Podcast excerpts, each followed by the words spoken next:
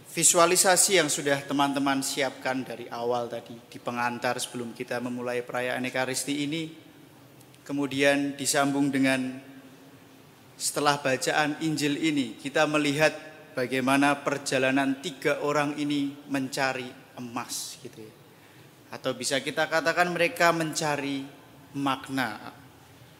Visualisasi ini juga sangat relate dengan perjuangan kita sebagai anak muda perjuangan anak muda ini sering kali kita bayangkan sebagai perjalanan yang masih jauh, masih panjang. Mungkin berbeda dengan kakek nenek kita yang mungkin tinggal sebentar lagi. Tetapi kita ini perjalanannya masih panjang, penuh rintangan, penuh tantangan. Dan dalam mencari makna, dalam mencari sesuatu yang kita anggap berharga ini, selalu dan pasti kita akan menemui yang namanya rintangan atau bahkan kegagalan. Proses jatuhnya ketiga tokoh ini tadi dalam sangkar merupakan tantangan.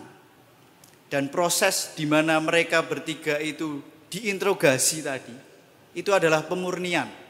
Kadang-kadang kita juga mengalami hal yang sama gitu ya dalam perjalanan hidup kita. Ketika kita mau memulai sesuatu yang baru atau kita baru terlibat pada sesuatu yang baru, interogasi atau nada-nada sumbang, nada-nada negatif selalu menyertai kita juga gitu. Ya. Ah, cuma gitu doang. Ah, saya juga pernah atau mungkin bahkan dari orang-orang dekat kita, sahabat ataupun mungkin orang tua mengatakan, "Ah, kamu masih muda." Gitu doang. Kadang-kadang yang seperti ini yang menjatuhkan kita tetapi interogasi, kata-kata negatif itu merupakan tantangan kita. Apakah kita sungguh memiliki kehendak dan tekad untuk mau berjalan mencari makna itu tadi. Dalam visualisasi ini mereka mencari tiga telur emas itu tadi.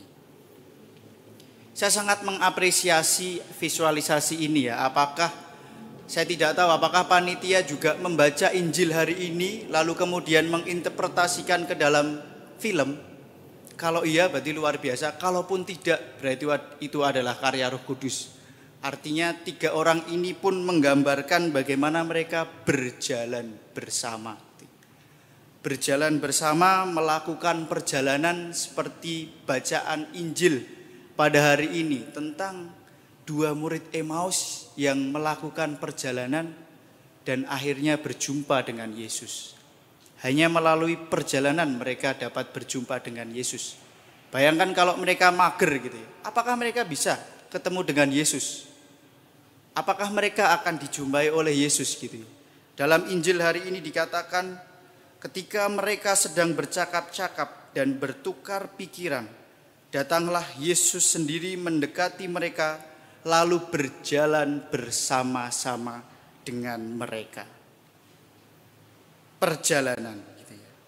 Dari Injil hari ini dan visualisasi pada hari ini yang sudah disampaikan oleh teman-teman panitia kita simpulkan bahwa perjalanan gitu ya. Perjalanan menjadi sesuatu kunci bagi kita dan akhir-akhir ini perjalanan kata perjalanan menjadi hits gitu ya. Oleh karena tulus gitu ya.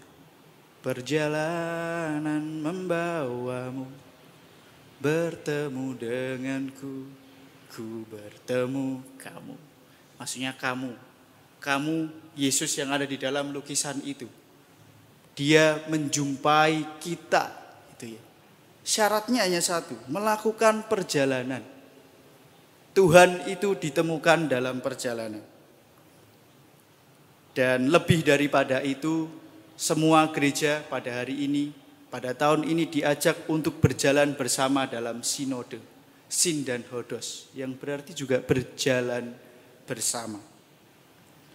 Maka teman-teman, untuk bertemu Tuhan, Anda perlu mengambil langkah untuk melakukan perjalanan yang bermakna mengambil kata-kata Paus, jangan jadikan diri teman-teman seperti kendaraan yang terparkir terbengkalai.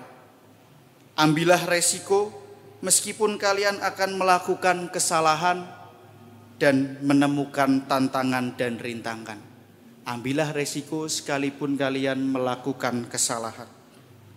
Ada ungkapan lain yang bagi saya sangat menarik dan ini menjadi refleksi saya selama ini. Gitu.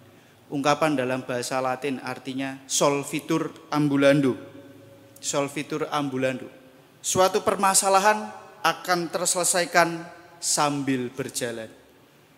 Kadang kita hanya perlu memulai dan mulai melihat permasalahan dengan berada di tengah-tengah permasalahan itu. Dan saya yakin pemecahan akan muncul ketika kita mulai mengambil inisiatif untuk terlibat. Visualisasi ini yang sudah disampaikan oleh teman-teman panitia tadi sangat menggambarkan ini. Mereka mau berjalan di tengah jalan menemui rintangan dan pemecahan akan datang ketika kita tetap melakukan perjalanan dan Tuhan sendiri akan menyertai kita. Dan begitu juga seperti halnya dua murid Emmaus. Dan dalam perjalanan itulah kita dijumpai, disertai dan ditemani. Dua murid Emmaus akhirnya kembali lagi untuk mewartakan setelah dalam perjalanan dijumpai oleh Kristus dalam suasana yang suntuk. Maka marilah kita semua kita lanjutkan perjalanan kita dengan penuh harapan bersama Kristus yang hidup dengan berani terlibat dan tentunya jangan lupa hati-hati di jalan.